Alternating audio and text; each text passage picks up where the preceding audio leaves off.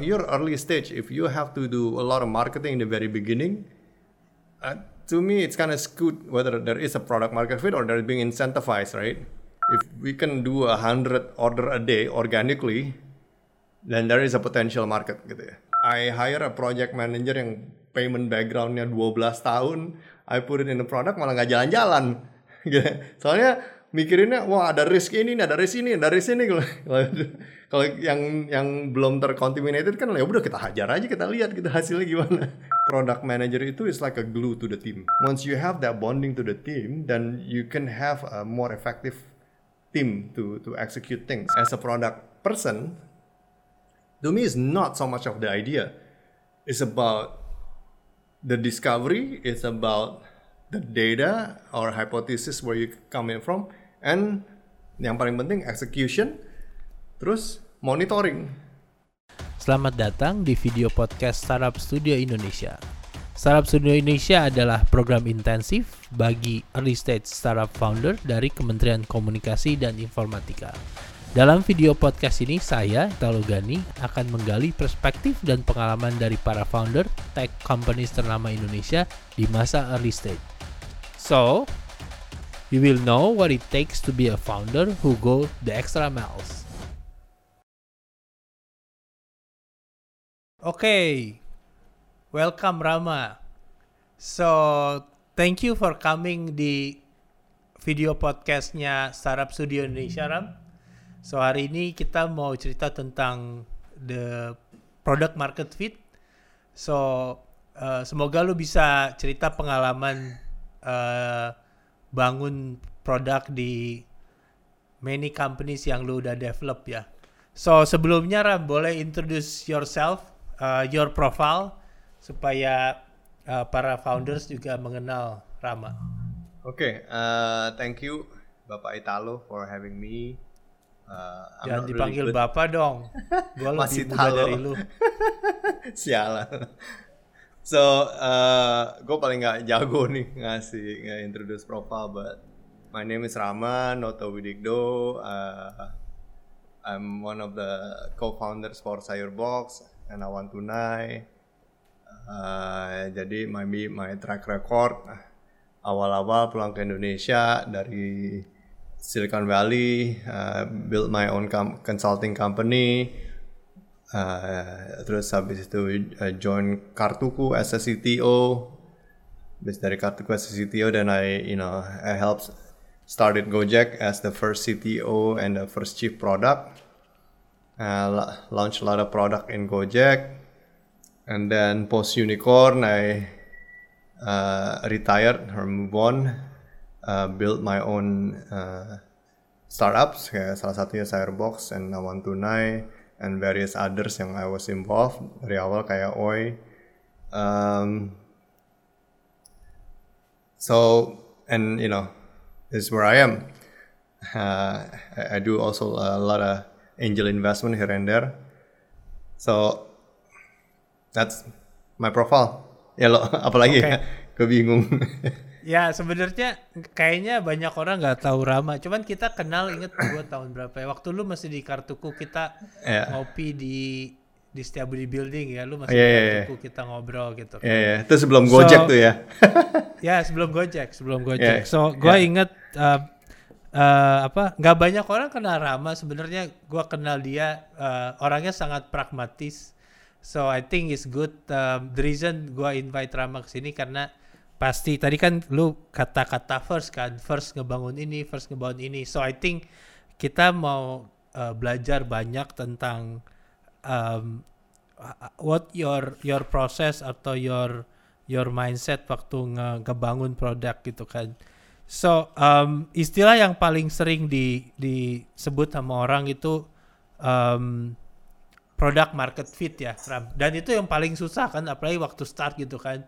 Yeah. Kita selalu um, beranggapan the founder wah kita mau buat produk terus um, ada sedikit konsep nggak sih yang lu bisa sharing definisi product market fit itu apa? Karena kadang foundersnya berpikir gini, venture capitalnya berpikir yang berbeda gitu kan.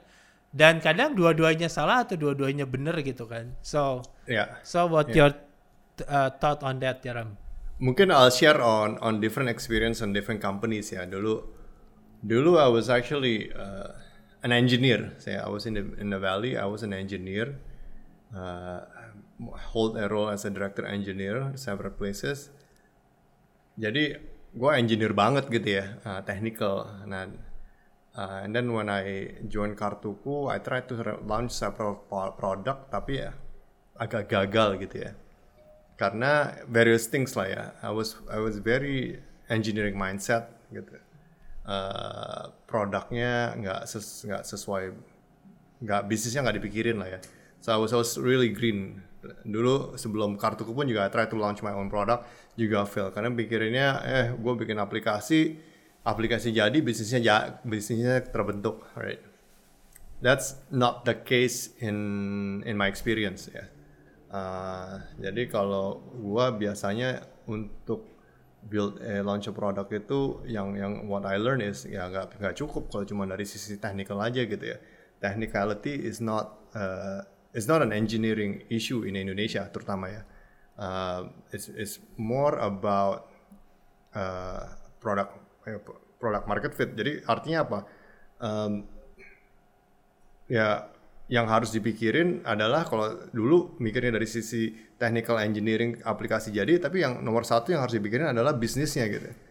Uh, jadi business business first. Nah, I'll give you an example in several occasion Uh, contohnya, uh, well, well we were building Gojek gitu ya, somewhat Gojek tuh bisnisnya udah proven ya dari yang sebelum the application version itu udah proven gitu dan dan we seen the Uber model wah ini modelnya sama sama Gojek tuh. Dan dan we start building the tech and the product. Kita launch akhirnya bener produknya di accept di market langsung di di launch. Nah akhirnya several other product yang kita belum pernah contohnya uh, go massage atau go go go go clean gitu ya. We didn't build anything on the app gitu ya. We we basically focus on bisnisnya kira-kira kayak gimana ya. So dulu the tech the prinsipnya adalah fail fast. Nah mungkin ini salah satu prinsip kita fail fast. Jadi we build a super simple eh, product di mana user actually open the application and cuman register booking aja gitu ya. Behind the scene-nya tuh mak, mak, is a call center si CS nelfonin tukang pijatnya mau nggak pak? Ada ada orderan nih. Uh, bla bla bla. Tanggal jam segini mau diambil atau enggak gitu kita respon. Nah di situ when, when we launch that really quick only like a month we we you know over time we learn about the market gitu kan oh ternyata ada nih marketnya gitu ya uh, baru kita mulai uh, mikirin otomasi. Same thing di Firebox juga sama. Firebox dulu my experience pas lagi modern market fit tuh kita fokus in building tech-nya dulu awal-awal. Wah, uh, udah jadi aplikasinya segala macam. Gagal lagi. Padahal I already started Gojek ya waktu itu. Gagal lagi. Dan I kept I, I realized I repeat repeat the same mistake.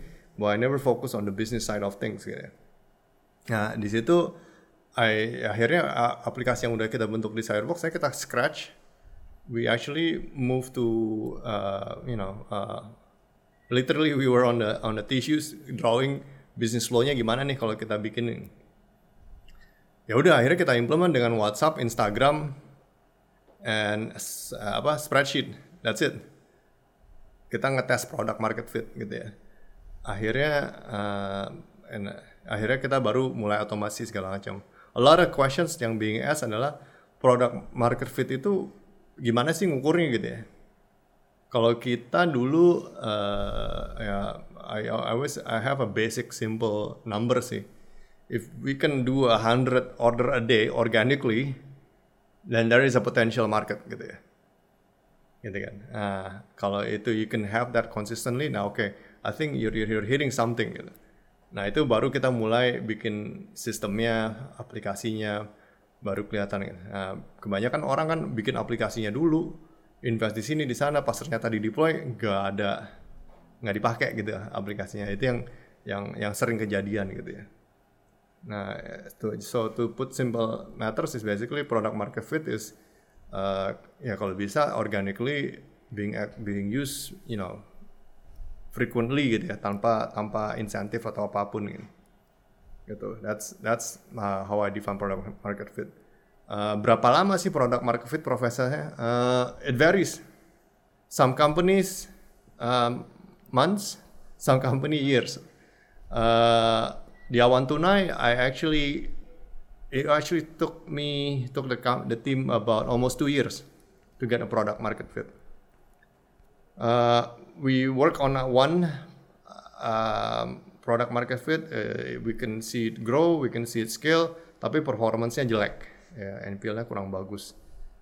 And we, our our thesis about hypothesis about you know solving that particular problem, it's it's very hard gitu. Ya. Akhirnya kita scratch, we pivot after a year gitu, a year and a half. Gitu. Kita pivot uh, kedua, ketiga, akhirnya baru dapat lagi market fit-nya. Gitu. Jadi it really depends on on on the problem you're trying to solve. Nggak ada basic uh, timeline ya. Tapi kalau tadi prinsipnya fail fast ya, the, you want to make sure dari product market fit itu minimal investment and minimal time gitu ya. Jadi so you get the feedback sooner. Ya, yeah, a lot of pitfall orang we spend six months to implement, uh, terus another six months to deploy and baru realize a year later bahwa produk market fitnya nggak ada gitu ya. Jadi jadi it, it, it it's really it become really costly gitu. Itu sih kalau dari dari gua lo produk market fit. Sebenarnya simple lately, term ya. Ya ya ya. Uh, lately ada istilah namanya no code ya. Uh, uh, is it the same uh, konsep jadi nggak usah coding dulu. There's yep. a lot of manual process at the hand untuk yeah. verifikasi uh, bener gak sih business case-nya ada atau use case-nya ada and then after tadi kalau teori lu udah dapat 100 order per day uh, ya yeah, this is worth to automate gitu ya. Yes, yes. So see di Indonesia the the good thing and the bad thing ya social media is powerful ya. Uh, number one uh, Instagram selling itu juga tinggi banget gitu ya. So if you can even promote it on your Instagram, to me, then then you don't really have a market gitu ya. Uh, hmm. Jadi makanya I that's what I usually use gitu ya Instagram selling and to prove my hypothesis gitu. Or mungkin kalau your business is different kayak di Awan Tunai my business was different so we actually has to go do this uh, this phase ya yang namanya product discovery lah ya. Kita datang ke potential apa uh, uh, so wholesaler yang kita mau coba approach, kita ngobrol, kita pelajarin pain pointnya apa, and we try to offer the solution. Ya kita coba, oh it's actually good, wah, dan wah ini bagus nih, kita coba ke wholesaler lain, wah bisa nih. Akhirnya baru kita bangun sistem gitu. Nah jadi uh, ya tadi benar no code, kalau bisa zero investment gitu kan, to figure out uh, whether you have a product market or not gitu. I I got a lot of uh, apa request untuk meet to uh, give me advice blah blah blah but I have an idea this this and that blah blah blah and you know uh, I think it's going to be the market is huge market okay well you know you need to prove it first right before you actually uh, try to get fundraising segala macam banyak orang mindsetnya wah gue I don't have funding I cannot work gitu nah itu to me that's itu yang bahaya juga as a as a entrepreneur gitu. so jadi kalau misalnya masih dalam proses uh, product market fit, like for example Awan Tunai dua tahun, so it's quite painful dong ya. I don't know whether you guys that's before you get investment or after you get investment. Karena tentunya kalau e-commerce hmm. ya kayak tadi lu bilang bisa dicoba kita pakai Instagram jualan. Cuman kalau kayak services kayak kayak Awan Tunai kan productive lending ya, yeah. Ya. uh, testingnya lebih susah ya. Yes, yes. Jadi kalau memang memang some some market, some problem that you need to solve susah without any investment ya. Kayak awan tunai dulu-dulu awal-awal we we we the problem we trying to solve is somewhat is somewhat similar tapi different segment ya. Uh, we're trying to provide digital lending for unbankable gitu kan. But then we figured out that okay, I think the consumer side lebih cepat dan kebenaran waktu itu awal-awal kita dapat access to uh, lending capital untuk white goods gitu. Makanya oke okay, let's try this and see how it is. Cuman ya unfortunate ya, ya kalau di awan tunai cases karena memang digital lending I, we had to do it by tech gitu ya awal-awal. So we did get the funding first and we we did get the lending capital and we execute gitu walaupun at the end that model doesn't work gitu ya. The reality hit gitu. Nah, akhirnya kita pivot kan. Nah, pas pivot itu kita akhirnya we learn we're not gonna build anything gitu ya. Oke, okay, we're gonna land to merchant. Ya udah, kita coba aja approach merchant satu-satu gitu. Kita land, kita lihat dua bulan, tiga bulan, wah nggak bagus. Kita pivot lagi gitu ya. Nah itu yang yang yang yang how we got into where we are right now. Yang yang pivot ketiga ini actually uh, eh pivot kedua ini actually kita benar-benar dari ya tadi spreadsheet aja gitu. And and somewhat very manual gitu awal-awal akhirnya wah mantuman growth-nya 50%, 50%, wah ini is actually and the repayment is actually really good. Nah akhirnya ya udah kita mulai start automating, automating, automating stuff gitu. Nah Ram, kalau kan uh, fail fast gitu kan, mm. meaning you need to like uh, shut down some MVP gitu kan. Ada kan ada nggak sih rumusnya like ini tiap harus growth-nya tiap bulan berapa dan kita tunggu berapa bulan gitu kan sampai kita lihat produk ini actually is really happening gitu kan.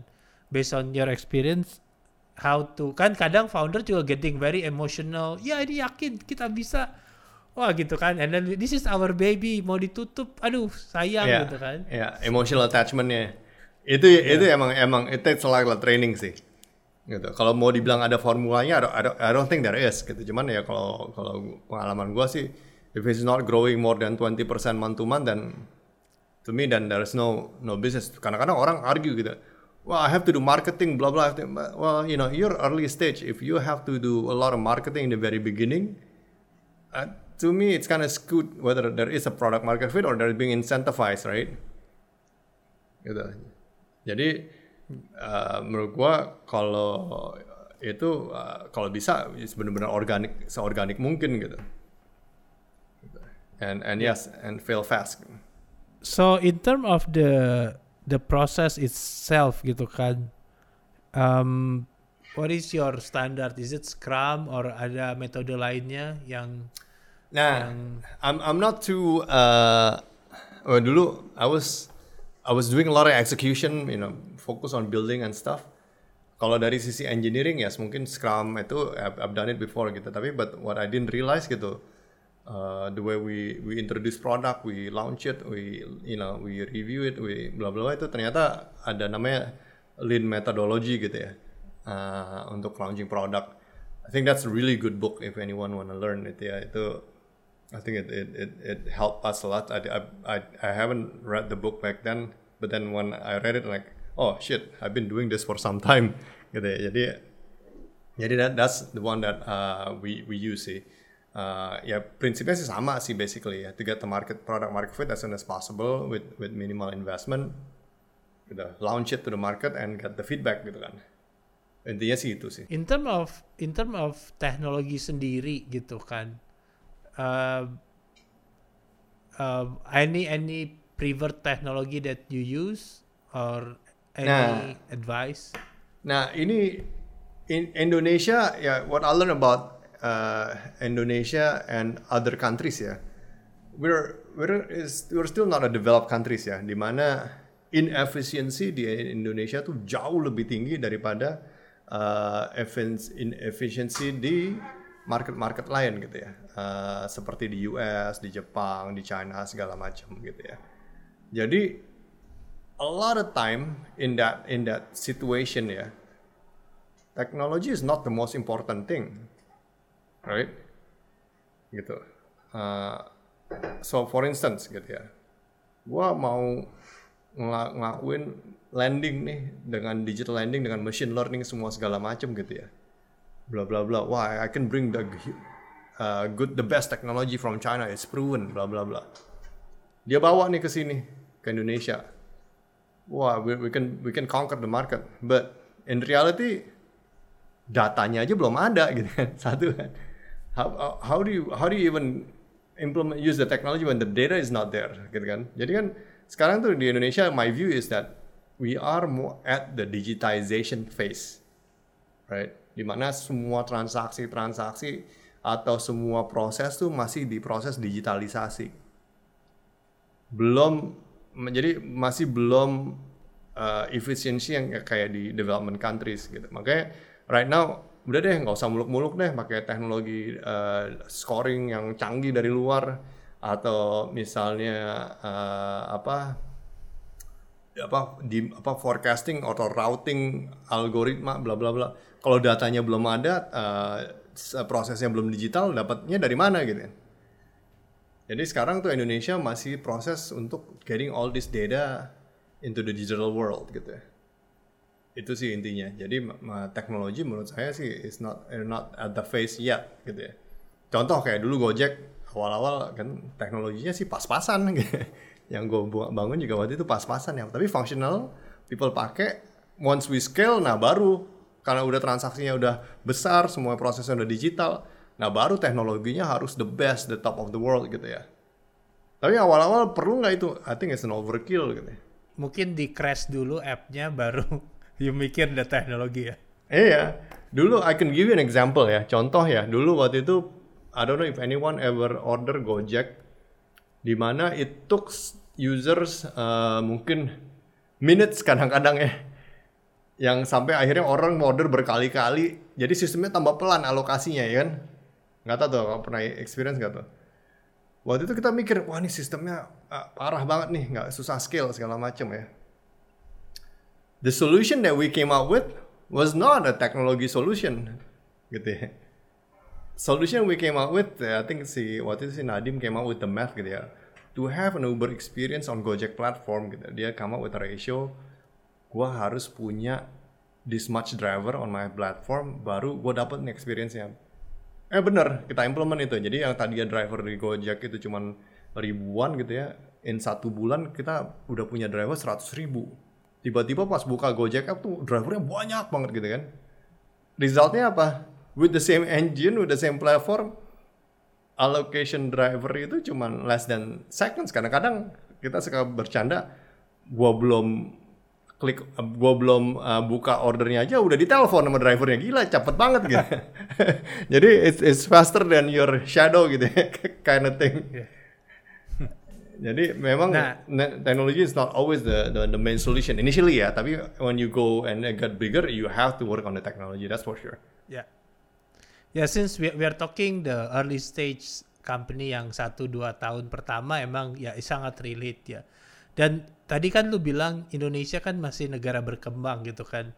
I remember when when we we talk dulu awal-awal lu lagi bangun appnya Gojek yang pertama tuh kan. Yeah. Dan sebenarnya kalau yang gue selalu mikir ini oh, Gojek engineer itu agak gila sih karena lu harus ngebuat app untuk supir Gojek yang pakai dumb smartphone dari Cina yang memorinya terbatas, yang baterainya terbatas, dengan sinyal yang tidak stabil gitu kan. So that's the fact that the product and engineering of Indonesian startup harus pikirin itu kan fact, market fact gitu kan. Iya. Yeah, yeah. Nah, so what you what you thinking on that ya? Yeah?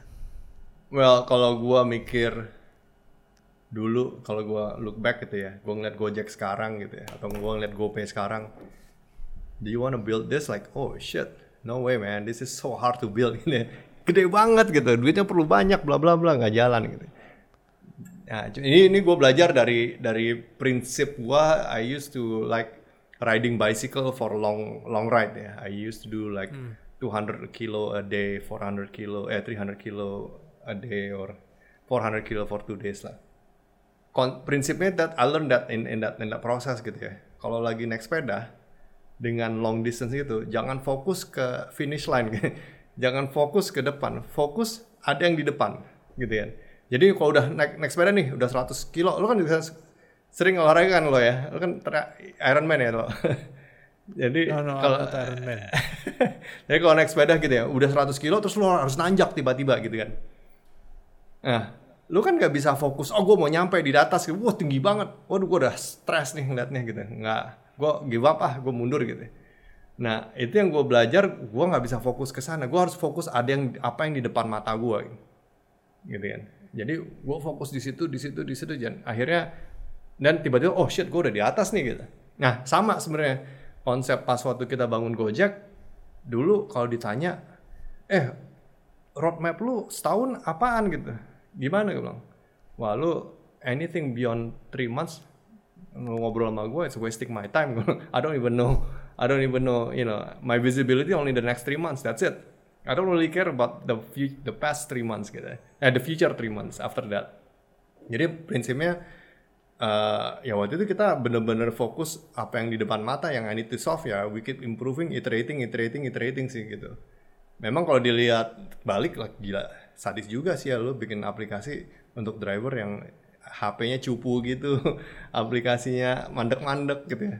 Tapi realitinya we did it gitu ya. We we we we push iteration we we the key is iterationnya harus cepet gitu ya itu yang yang paling paling penting jadi kalau dibilang executionnya tuh is the is is everything execution is everything gitu uh, untuk bisa ngeraih itu. Jadi fokus on what you see in front and focus on execution. Malah kalau bisa what we call kalau di di Gojek kita bilangnya selalu over execute gitu ya. Nobody can steal your execution kan. Hmm. So I think I think one thing yang gue selalu bilang orang-orang we should thank you Gojek and other unicorns karena uh, I think kita di diuntungkan Gojek and other unicorn yang waktu awal-awal ngebangun bisnis itu memperkenalkan dunia bisnis ke dunia bisnis online kepada hmm. supir-supir Gojek terutama kan karena ya. sekarang kan jadi satu uh, apa mereka jadi full time kerja di sana gitu kan hmm. mereka nggak pernah kebayang sebelumnya kan HP dan internet pakai untuk ngegosip di sosial media tapi yeah. sekarang yeah. jadi jadi tumpuan hidup mereka gitu kan kalau kalau mereka so I think that's actually is, is a good karena kasarnya kalau banyak kan orang mau buat atau mau launching produk wah gue harus edukasi market lah kalau supir gojek aja udah biasa harusnya yeah. orang lain atau other market akan juga udah biasa dengan uh, yeah. Online I mean I, I I hear that a lot now gitu kan kayak orang gila itu si petani emang ada yang memakai aplikasi lo gitu kan kayak gini gini gini yeah. Gue bilang ya dulu di Gojek sama aja kalau hubungannya sama perut sih pasti orang make gue bilang ya kan orang lapar perlu butuh makan kan intinya gitu kan yeah gitu. Correct, correct. Yeah. Nah, regarding talent nih, Ram, uh, apa waktu ngebangun tim produk uh, talent kan, Indonesia nggak pernah terkenal sebagai produsen countries kita konsumen kita selalu consume not produce gitu kan yeah. so yeah. nyari orang produk kan susah banget kan karena orang yeah. produk ya harus punya mindset ngebuat atau memproduksi mendistrap sebuah uh, ekosistem suatu bisnis model. Nah, gimana yeah. sih cari talent di orang produk ini? Oke, okay, mungkin I'll share you the experience dulu pas zaman kartuku sampai Gojek sampai sekarang ya. So, dulu pas pulang dari Silicon Valley uh, di, ya, mulai di kartuku, I was the CTO gitu kan. I remember this one time uh, apa? I got this invitation, "Eh, hey, Pak, you you want to become the uh, salah satu you, you masuk di salah satu kandidat uh, of the best CIO in Indonesia gitu gue bilang I, I rejected dan gitu ya gue bilang no no no I'm not a CIO I'm a CTO there's two different things jadi maksudnya apa at that time I think it's 2013 ya 2013 the market doesn't even know what CTO is gitu ya ya jadi dia saya sangka ya CTO CIO sama aja gitu kan So so itu satu hal. Jadi the, even the apa uh, dunia jurnal juga nggak ngerti gitu. Ya kan? It's two different things gitu. Nah, me as a CTO mau bener-bener mau bangun uh, bener-bener teknologi and product mindset gitu kan. Dan I need different skill set. Contoh satu waktu itu I want to hire product manager gitu. Kan I I don't know where to get it gitu kan. I I put uh, request to headhunter semua segala macam gitu ya. Yang dikasih atau apa? Project manager. Gak ada pak project hmm. manager apa ya? Adanya project manager gitu. Loh itu kan nggak bisa, beda lah project manager dan product manager. Oh gitu ya pak? Jadi the market doesn't even know, uh, the recruiter doesn't even know what product market is, eh, product manager role is gitu ya. Jadi dulu uh, at that time akhirnya I brought in a uh, consultant dari US gitu ya. Kemudian the company that I used to work before adalah uh, Scrum company. So I brought in their consultant to, to Indonesia to train my team gitu to become a product manager gitu ya, to become a Scrum master. Nah, nah di situ akhirnya we build the knowledge sendiri gitu. Nah jadi memang pada saat itu talent tuh susah banget. Ada lagi misalnya DevOps gitu ya dulu. Wah, I need, I need to build, I need to have DevOps. Wah, adanya adanya IT network sama adanya sysadmin pak. Waduh, itu beda banget gitu ya. Sysadmin beda, network beda. Itu disangka oh itu bisa jadi DevOps gitu. Nah itu banyak role-role untuk product and tech company yang yang yang pada saat itu doesn't even exist in the market gitu. So we have to educate and and getting talents was really really really hard ya. Yeah. Uh, nah fast forward ke sekarang gitu. I think if you want to get product manager udah jauh lebih gampang di describe gitu ya. Market lebih aware. Uh, dari sisi uh, talent juga mereka udah aware gue mau jadi product manager nih gitu. Uh, walaupun sekarang tetap scarce ya karena memang talent pool di Indonesia tuh jauh lebih terbatas gitu ya.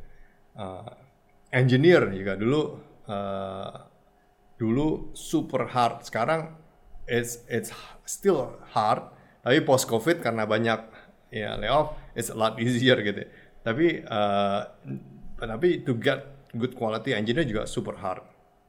Nah ya when you are a company at a scale already ya prinsipnya you have to be able to get talent anywhere gitu uh, jangan nggak bisa nunggu di ya where we are gitu ya. Unfortunately talent pool di Indonesia tuh sampai sekarang masih masih terbatas gitu ya. I would say the, the depth of the talent pool tuh sangat uh, dikit dibanding di, di luar gitu ya, kayak di India gitu ya. Itu sih. Jadi memang memang talent sampai sekarang pun is still a challenge. It gets better because of the condition. But tapi to get top notch talent itu susah So when uh, when I talk to my team, I want a world class engineering team ya. Uh, building world class engineering team di Indonesia, that's that's a really hard challenge. Nah, dengan adanya COVID-19 kan, work from home becoming the new normal. Is it help for uh, hiring people? I mean the challenge also the time zone kalau kita hiring dari Silicon Valley gitu kan. Tapi yeah. kan kalau dari dari sekitar Asia atau India masih Is it something that uh, menurut lu akan diuntungkan dengan hal ini? Jadi it, it accelerate to adoptions of working remotely ya. Yang tadinya orang masih nggak terbiasa atau terpaksa kerasa gitu ya. Oh, nggak bisa nih. Tapi sekarang karena keadaan ini ya, you need to learn to collaborate remotely gitu ya. The good thing is, I think with this COVID is orang tuh lebih belajar accountable. Kalau zaman dulu kan work from home, it's basically gue ngumpet-ngumpet gue kabur gitu kan. Ya kan? Kalau sekarang work from home bener-bener people like accessible gitu. Actually I'm working harder than before ever before gitu. Eh, kalau my wife said like gila ya kayak kejar setoran ya. Because karena from one call to another kan you don't have to be here and here and there ya kan udah one call zoom call zoom call zoom call atau Google Meet ya like then you just like do maybe yang usually bisa sehari cuma 8 call max maksimum ini bisa 10, 12 calls gitu ya dari pagi. Gue kalau ngeliat schedule gue, like, gila nih nggak selesai-selesai capek juga gitu. Jadi memang work from home situation actually accelerate a lot of adoptions to be able to work uh, collaborate remotely sih. Uh, which is good. To me, it's really good gitu ya. Uh, but still, the downside is getting top talent in this situation kan susah karena you don't meet face to face segala macam gitu. Tapi ya, you have to learn to the situation gitu ya. So, do, do, what do you think about hiring talent from from overseas? Uh, so, it it is still necessary at this point. Yeah, unfortunately, uh, as much as I saya cinta Indonesia gitu ya, tapi unfortunately the, the talent pool kita ya tadi masih limited gitu ya. For instance, kalau misalnya Gojek tuh transaksinya billions of transaction on a daily basis gitu ya. Engineer di Indonesia berapa banyak sih yang bisa handle scale segede gitu gitu? Hmm. kan bisa masih bisa dihitung pakai jari gitu sekarang. Ya kan? Uh, nah whereas you got talent in the world yang udah pernah nge-handle kayak gini gitu. So it's it, if you are at that scale it is a necessity gitu ya. Uh, tapi kalau at the early stage is not required tapi kalau if you don't have anyone then that's your option gitu ya. I seen one startup where I advise mulai pakai tim lokal, product market fit, tapi nggak jalan-jalan gitu, nggak jadi-jadi. Akhirnya they drop the whole engineering thing lokal, dia outsource it keluar baru mulai pick up gitu ya, bukan bukan nge-compare kan jadi I seen it the, the other way around gitu di mana ya di sini produk kayak di awan tuna produk market fit harus lokal karena dia orang-orangnya harus produk discovery-nya harus lokal gitu local private present is so important. Jadi it really depends on what what your ya yeah, what business you're in and what problem you're trying to solve. But tapi jangan don't limit yourself that everybody has to be local gitu ya. Uh, you, you need prinsipnya tadi you need to get a talent wherever you you can get gitu ya, to solve the issues gitu.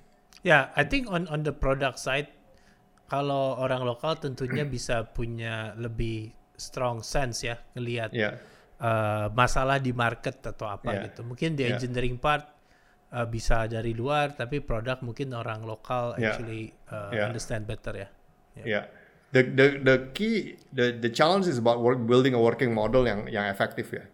Uh, when you hmm. have a remote team gitu ya. Uh, time zone is important.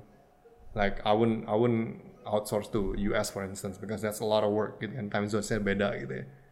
I would work somebody with mungkin in Eastern Europe masih oke okay, in in apa in India it's okay it's only a year, an hour and a half gitu ya. In Singapore it's tough because uh, its talent pool is also small there gitu ya. Uh, Vietnam is also good but the challenge is language right. You have to have a local talent yang bisa strong in English gitu to to lead the the team on the ground gitu ya. So yeah, it, it's it's it's a challenge still sih to build a high performance team locally aja susah, apalagi to build a high performance team remotely gitu. itu itu is a yeah. challenge gitu. Nah, Ram, gue juga tahu, gue notice one of your style uh, in working, you also uh, very deep in the culture. Lu kan sangat dekat sama tim lu personally gitu kan, hmm. hangout bareng gitu kan. Yeah So can you share about that as a, as a yeah. product team gitu kan? Yeah, so so basically kalau dulu when I had a, a product manager kayak in in in Gojek awal-awal terus in in, in now in, in many companies gue bilang product manager itu is like a glue to the team gitu ya. My my illustration is like always like oke okay, lu suka main bola nggak? Suka gitu ya. Oke, okay. lu suka nggak tim bola lu nggak bisa kerja bareng? Enggak gitu kan Nah, lu gimana bisa bikin tim lu bekerja bareng? And you are the captain of the team gitu. What what would you do gitu? Ya kan? Nah, ya kayak dulu contoh misal kita punya tim di India atau tim di Jogja. Mas, gua harus di Jogja ya uh, sebulan. Gua harus di India ya tiga minggu. Go for it gue bilang. Soalnya why you need to build that team. You need to build the bonding of the team, right? Once you have that bonding to the team, then you can have a more effective team to to execute things gitu ya. Because that's what you will need. Nah, itu ya I'm doing it by example, right? So I need I need to be close to my team. Uh, as my team harus close sama their own team gitu. Kalau enggak, you know, it you're you're not gonna be able to build a high performance team gitu. Intinya gitu ya. Nah, kalau struktur di di produk sendiri kalau misalnya lagi develop two or three product is it uh, ada kayak one product owner structure atau kayak gimana? Uh, tunggu, definisi product owner di sini gimana nih? People nah, have different definition uh, of product owner. Jadi, ya maksudnya gini, bisa ada tiga produk lagi di develop gitu kan. So dari tiga itu kan lagi dalam proses nge-develop produknya. Hmm. Some maybe along the way akan ditutup produknya karena nggak really happening. Yeah, nah, yeah. strukturnya yang terbaik seperti apa ya? Oke, okay, so ya itu tadi kalau product market fit berarti jangan cuman orang tagnya aja. Kadang-kadang orang nih kalau oh gue kasih PM aja nih dia yang ngetes gitu kan. Uh, nggak uh, bisa gitu. It has to be the what you're trying to prove is the business side of things right? Product market fit is about the business gitu kan. Jadi every product launching apa di oh, product discovery phase itu gue selalu ada namanya product owner or we call it mini CEO yang yang responsible for that business gitu. Jadi for instance uh, dulu kita di Awan Tunai pernah tuh Oke kita coba landing ke merchant, coba kita landing ke wholesaler gitu ya. Tuh ada dua tim yang berbeda tuh. Tapi di orchestration di tengahnya ya product ownernya itu gitu. Ya the, the, the CEO of that product gitu. Yang oke, okay, yang ini gue mau coba ini sukses kriterianya ABC. Yang ini gue nyoba ini sukses kriteria ABC gitu. Memang at early stage orang-orang apalagi yang yang orang yang nggak terbiasa tuh orang-orang yang dari corporate join startup gila ya ini perusahaan berantakan banget ya nggak jelas semuanya ke mana semuanya dicobain gitu kan Nah itu itu typical ya, typical new uh, corporate player coming to startup gitu ya. Bingung, pusing wah gila ini semua ini. Nah lu maunya apa sih? Nah ini basically is a process yang harus dijalani. Soalnya kalau if you do it sequential juga nggak make sense, right? Uh, misalnya gue ada satu inisiatif, jadi lu bilang produk satu gue coba dulu tiga bulan dapat feedback, baru gue nyoba produk dua gitu kan. Kan it's it's wasting a lot of time kan. Mendingan gue jalanin tiga berbarengan, gitu kan. Terus gue cari tahu nih mana yang fail duluan gitu. Yes, it does. It's not effective. It's not about effectiveness, right? It's about failing fast gitu intinya sih itu uh, nah memang memang ya how do structure ya biasanya ada product ownernya ada product manajernya ya biasanya satu ada orang technya kalau memang ada technya ada tech leadnya gitu kalau nggak cuma berdua aja ya cukup gitu jadi jadi kalau kita uh, akan timnya akan lebih banyak dong dengan punya kayak mini CEO mini CEO gitu. Awal-awal yes. Awal-awal yes. I know one company I cannot name names but yang udah gede gitu ya. Their their core business itu orangnya cuman jauh lebih kecil. Ya it's a startup ya. It's, it's still series up. Itu core bisnisnya mungkin 20% daripada total employee. Jadi 80% itu all new initiative. Ya kan? Soalnya core-nya udah terbentuk. Nah sama. Dulu di Gojek juga sama. Dulu Gojek awal-awal gue pegang semua gitu kan. Terus akhirnya udah saking besarnya gue nggak bisa manage semua. Uh, akhirnya di split. Yang core yang udah gede gitu yang ordernya kalau itu definisi kita kalau ordernya udah seribu seribu sehari itu gue pindahin ke core team gitu jadi akhirnya gue jadi new apa pro, chief of product for new item gitu new new, new stuff. Jadi kayak dulu GoPay awal-awal gue cuma bertiga ya kan. Ya go out atau semua lah banyak lah itu. Uh, akhirnya kalau udah gede baru dibikinin core teamnya gitu kan. Nah, nah itu memang memang akan kelihatannya jadi lebih banyak. Cuman ya if you're still at the growing stage, you know, you, should you should you know hedge your bet uh, untuk uh, to keep growing gitu kan. Gitu. Kalau nggak kayak gitu gitu, dulu Gojek ya fokusnya cuman ya itu itu aja gitu, ya kan. Iya waktu itu ya. GoPay bener-bener cuma tiga orang. Kalau mau nanya gimana GoPay ya gue product ownernya, gue ada product manajernya, ada satu engineer, udah bertiga dulu ngomong ke bank ke bank banknya semua bank integrasi integrasi integrasi integrasi udah so ba banyak juga startup sekarang founder biasanya the founders terus timnya dia outsource. Ya. Yeah. um, jadi dia supaya lean gitu kan jadi dia I mean biasanya kan CEO itu kan CPO lah. The CEO is like the one who have ideas yang bangun produk.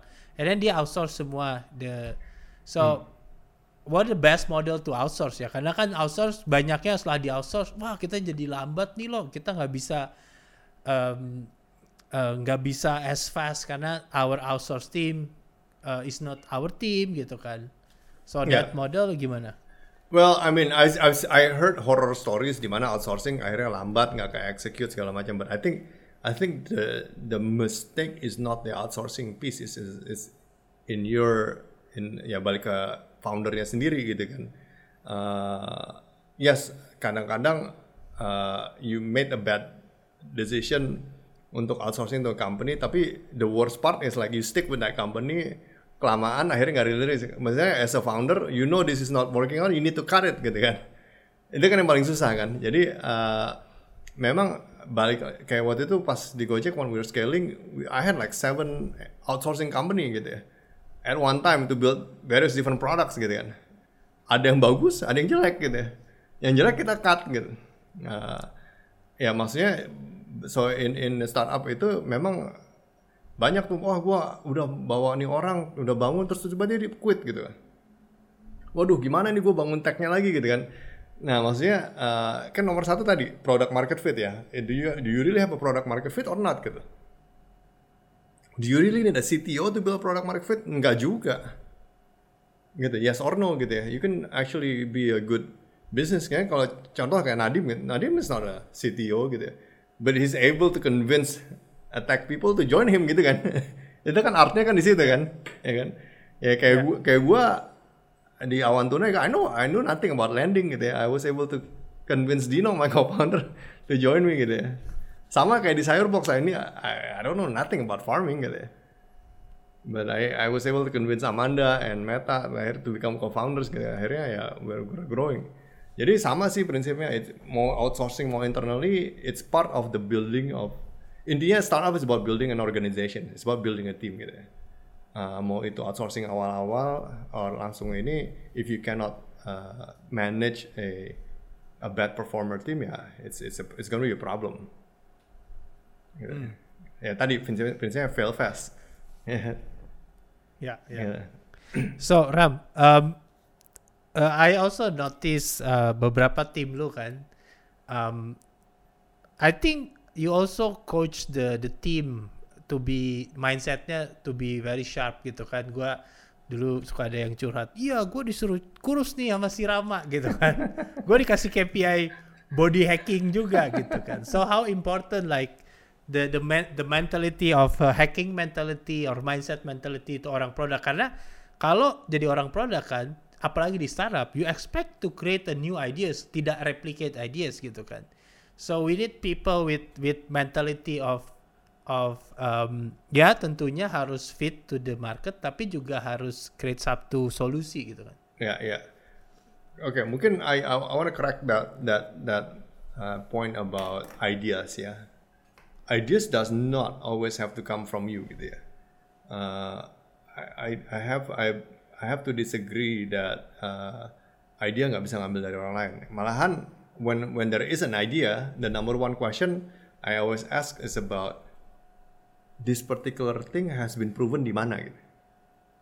Gitu ya. Contohnya hmm. uh, apa Firebox gitu. Firebox tuh di, di proven di mana ya modelnya gitu Oh, kalau di Amerika ada fresh direct, kalau di India ada ini, di China ada ini. Oh, it's a proven model gitu kan. So, mungkin idea not the first time gitu kan. Nah, sekarang it's about executing on the idea is the key. Nah, as a product person, to me is not so much of the idea. It's about the discovery, it's about the data or hypothesis where you coming from, and yang paling penting execution, terus monitoring gitu ya. Jadi dulu awal-awal pas ini my my team come to me like waktu waktu masih megang GoFood eh mas gua ada ide nih untuk produk GoFood harus gini gini gini gini gitu. Terus gue tanya gitu, simple aja. Lu dapat dapat uh, apa datanya dari mana? Bisa dapat ide itu? Wah gue belum ada datanya. Well don't waste my time. Go get the data baru lu ngomong sama gue gitu. kalau enggak it's just an idea gitu Nah, jadi idenya juga yang harus ada dulu validate gitu kan. So how do I validate? Well, that's not my problem, gue bilang. yeah, that's your problem. You need to figure out whether the, our data has it or our data kalau nggak ada, you need to get the data gitu kan. Misalnya bisa kuantitatif kalau kita ada datanya, tapi kalau ternyata kita nggak bisa nggak ada datanya internally, ya kualitatif, bikin survei lah, bikin eh, bikin you know research lah, apa segala macam. Gitu. That's your role. Nah, jadi in, itu selalu yang gue lakukan gitu ya uh, akhirnya when the meeting orang ada ide gue gini gini gini gini. Terus datanya dapat dari mana? Wah tunggu gue cek dulu. Wah to me that's that's wasting wasting a lot of time gitu ya. Soalnya uh, as a product manager lu benar-benar harus ada datanya gitu. Misalnya ada hipotesis A. Ya ya harus cari tahu gitu. Kira-kira datanya seperti apa gitu. Dan dan dan we have a concrete discussion gitu. Nah dan after that abis itu kan execution. Ya kan?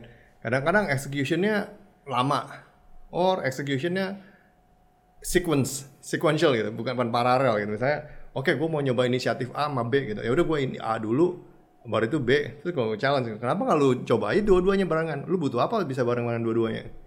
Gitu kan. Kenapa harus sequential? Oh bisa ya gitu iya bisa lah gue jadi uh, mindset juga harus terbentuk gitu ya. Uh, yang kali dibilang untuk body hacking sebenarnya lebih ngetrain mindset bahwa eh you have to be more driving of what you want gitu ya. Uh, jadi lu ada ide, lu harus bisa execute and how to execute-nya itu yang lu harus uh, master gitu over time gitu ya. Uh, nah, habis itu kebanyakan product manager udah udah gua execute, gua implement, habis itu eh gimana feature yang kemarin rilisnya uh, hasilnya gimana? Wah, so far belum ada komplain sih, Mas. Gue bilang Wah, gua itu gua tembak langsung. Jadi maksud lo kita komplain base nih, gue gitu. ya kan? You should be monitoring what happen masa gue harus tanya CS dulu baru tahu isunya gue bilang. Jadi itu itu banyak product manager yang masih masih tahap-tahapnya seperti itu gitu. Nah itu yang harus di train ulang berulang-ulang gitu. Bahwa yang yang prinsipnya kalau yang gue selalu push adalah build deploy and monitor gitu bukan build deploy and forget. Kadang-kadang wah gue deploy udah forget. Ah oke okay lah udah jadi gitu. Terus sudah nyantai baru ada isu baru waduh ngeliat gitu. nah itu that's nah mindset mindset itu sama itu yang harus harus di, di train keep training sih. Uh, it, takes time gitu. Tapi ya baliknya ke mindset. I need I need to be driving. I know exactly what I I I want. I know exactly how to measure it gitu Based your your experience orang produk yang atau orang yang akan jadi orang produk yang bagus backgroundnya apa sih Ram? Wah susah sih ya. I think it's one satu leadershipnya harus strong ya. Oh, menurut gue ya. Uh, communicationnya juga harus strong. Ya kan. You you can have an idea, but if you cannot convince your team to execute on idea juga percuma. Gitu ya. Tiga, ya inteleknya juga harus ada gitu ya. Uh, biasanya kayak gimana? Malahan yang non technical gue lebih dapet ya. Jadi yang XX consulting kayak top notch lah kayak nah, McKinsey lah apa. Soalnya as a product manager lu fokusnya is problem solving sih intinya gitu. You don't necessarily need to have a technical background gitu. Unless your product is technical ya. Kayak Google search gitu kan. Kan kan all technical. Kalau orang produk nggak tahu technical juga pusing gitu kan. Ini gimana ya tapi in a lot of time kalau service uh, service or uh, you know payment pun you know payment pun my product manager ada datang nggak ada background payment. Malah when I learn I hire a project manager yang payment backgroundnya 12 tahun I put it in the product malah nggak jalan-jalan. Gitu. soalnya mikirinnya wah ada risk ini ada risk ini ada risk ini. Kalau yang yang belum tercontaminated kan ya udah kita hajar aja kita lihat kita hasilnya gimana. Gitu. Nah jadi eh, kalau my experience malah yang yang yang tadi leadership communication uh, problem solvingnya harus tinggi sih. Gitu ya. Gitu. ya kadang gue bingung kalau misalnya orang produk lo ini orang pro, misalnya ngomongin satu sektor gitu ya hmm. orang ini udah di sektornya 20 tahun loh gue malah worry wah takutnya dia nggak bisa keluar ide fresh kan exactly that's exactly my I, I have the same view on that gitu ya gitu. Kecuali memang dia udah proven product manager di di, di field itu gitu ya. Nah, terus satu satu pertanyaan about tadi kan lu mention fail fast many times gitu kan. Banyak orang juga itu wah ini kita kita fail fastnya terlalu cepet gitu. Ada nggak sih istilah fail fast terlalu cepat atau produknya ditutup sebelum it uh, malahan dia pindah-pindah terus pivotingnya terlalu cepet gitu? Uh, honestly, I haven't seen it in many cases malah orang yang nggak pivot pivot karena emotional attachment terlalu tinggi ya. Uh, iya. uh, eh, gue lebih lebih sering yang kayak gitu gitu. Uh, jadi kalau yang terlalu cepet, honestly I haven't I haven't seen it. Oke, okay. jadi lebih banyak yang eh, nggak uh, pivot pivot dibanding yang itu ya, karena emotional yeah, kecepatan ya. Terus tadi juga lu mention about data data driven thinking gitu kan tandanya kan si orang produk ini harus mindsetnya emang uh, very data driven ya. Can you elaborate that? Jadi uh, yang terutama untuk new well it both right? New product or existing product existing product for sure you have to be data driven kan? Absolutely. Tapi kemungkinan existing product kan lebih lebih kuantitatif ya. Jadi artinya apa? Misalnya gue mau mau new feature nih di sayur box gitu ya. Uh, eh, gue mau nambahin uh, delivery gue slot delivery gue ditambahin gitu ya. Tahu dari mana gue butuh tambahin slot delivery gitu kan kan hmm. itu hipotesis kan gue kalau nambahin slot delivery order akan naik gitu lo tau dari mana gitu kan nah kan memang nggak ada rocket science untuk buktiin bahwa ada 100% it's gonna be absolutely correct ya tapi kan harus ada data point basisnya yang oh ternyata setiap gua order setiap gua buka slot ini ini order uh, slot langsung ke fulfill dalam waktu setengah jam. Wah berarti kan demandnya tinggi kan? Ya, yeah, if we can get that data point, oke okay, dan oke okay, let's try it gitu ya. Nah, jadi nggak nggak cuman throwing dart aja gitu, we have an educated guess. Nah pas kita it kita juga harus siapin, oke okay, sukses kriterianya apa nih? Bahwa adding a new slot itu bener-bener sukses. Misalkan, oke, okay, my sukses kriteria gue buka new slot, I want to make sure that itu within two hours slot udah keterpenuhin gitu. gitu. Pas kita launching, wah hit gitu ya. Jadi less than two hours slot habis mau berarti that's, that's proven gitu kan. Tapi misalnya ternyata wah in, in the past in the past one month slot itu kagak atau full full full full full full dan dan it's proven it's not working gitu kan. So then let's kill that slot gitu kan. Itu yang yang yang maksud gua jadi harus ada data driven dari sisi persiapan untuk launching and also at post deployment. A lot of people forget about the post deployment. Gitu. There's many many cases di mana lu baru tahu sebulan kemudian. Eh ini kan udah launching kan? Eh terus ini gimana? Wah oh, ini ternyata nggak sukses ya gini-gini. Lo kok lu baru bilang sekarang gitu? and, like, and like it, it beats the purpose of fail fast concept gitu kan? Ya. Yeah. Ya, nah itu itu yang yang jadi getting the data point is very important for the product manager. Ya, yeah, yeah.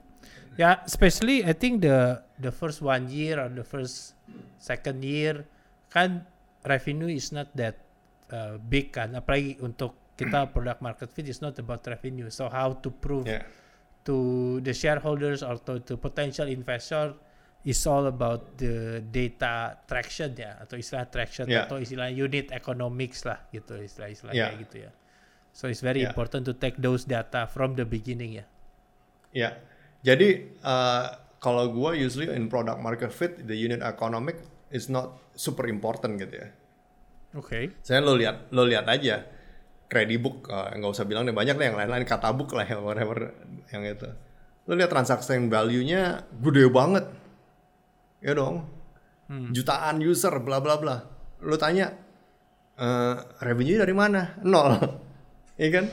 Berarti kan unit of economics belum masuk. Monetization-nya belum ada. Bener kan? Sama yeah. kayak YouTube juga awal-awal wah growth gede banyak ini tapi monetization gimana? Belum tahu gitu ya. Jadi kalau awal-awal it's about ya product market fit is not really about the unit economics. Uh, terus selalu sih uh, what I've I seen in the market where people are so strict of unit economic dari awal itu biasanya growth of produknya pelan. Karena udah mikirin cuan di depan gitu. Iya. Yeah. Iya kan?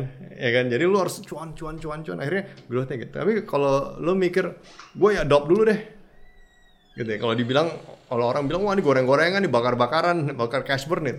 Tapi tadi, gue I want product market fit, I want growth, I want scale. Gitu kan? Hmm. Nah kalau udah scale, Then it's about monetization gitu kan. It's easier to do monetization when you have traffic. Soalnya you unit in an economic dengan user cuma 100 order per hari versus you do unit of economics sejuta sehari, it's it's different. Ya. Yeah. Right? Jadi lu gak, lu gak bisa terlalu satisfied oh unit economicnya bagus nih. Padahal baru baru 100. Belum lah gitu ya. But, which is it's a it's it's a promising thing tapi ya it's it's still not it's not a concrete thing gitu. Jadi makanya you, it's gonna iterate gitu. Kalau awal-awal my I'm always focus on product market fit dulu. Make sure adoptionnya ada, tractionnya ada, dan figure out the monetization to improve the unit of economics gitu ya.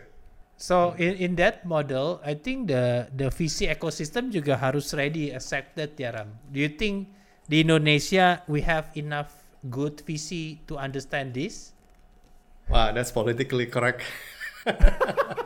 oh, kan tandanya we need more VC coming to the market kan atau more VC well, understanding about this gitu kan.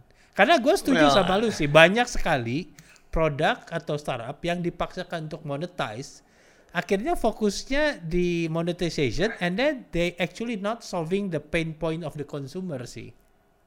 Benar. Jadi well the game of growth growth growth growth udah gone. Ya that, that's pre covid gitu ya. Ya kita lihat SoftBank lah ya uh, hmm. si WeWork semua segala uh, si siapa lagi tuh Oyo Air ya banyak lah ya banyak casual casualtiesnya ya dulu kan hmm. if you have money you, you growth you spend growth gitu kan it's all about hmm. the valuation is based on growth sekarang it's about sustainable unit economics gitu kan. You can grow but the unit economicnya nggak nggak kelihatan juga percuma. But at the early stage of company mungkin series A, series B masih banyak yang fokusnya on transaction value gitu ya. Transaction value-nya wah puluhan ratusan juta gitu ya. Tapi revenue-nya cuma 0,5 persen gitu. Hmm. Satu hmm. persen ya. Itu banyak tapi once you go into like a bigger stage itu udah nggak bisa acceptable lagi gitu kan. Ini mm-hmm. you're not making money gitu. gitu. Yeah. Jadi maksud gua uh, kalau mau ditanya ini ya tergantung it what stage of the company ya visinya juga beda-beda gitu.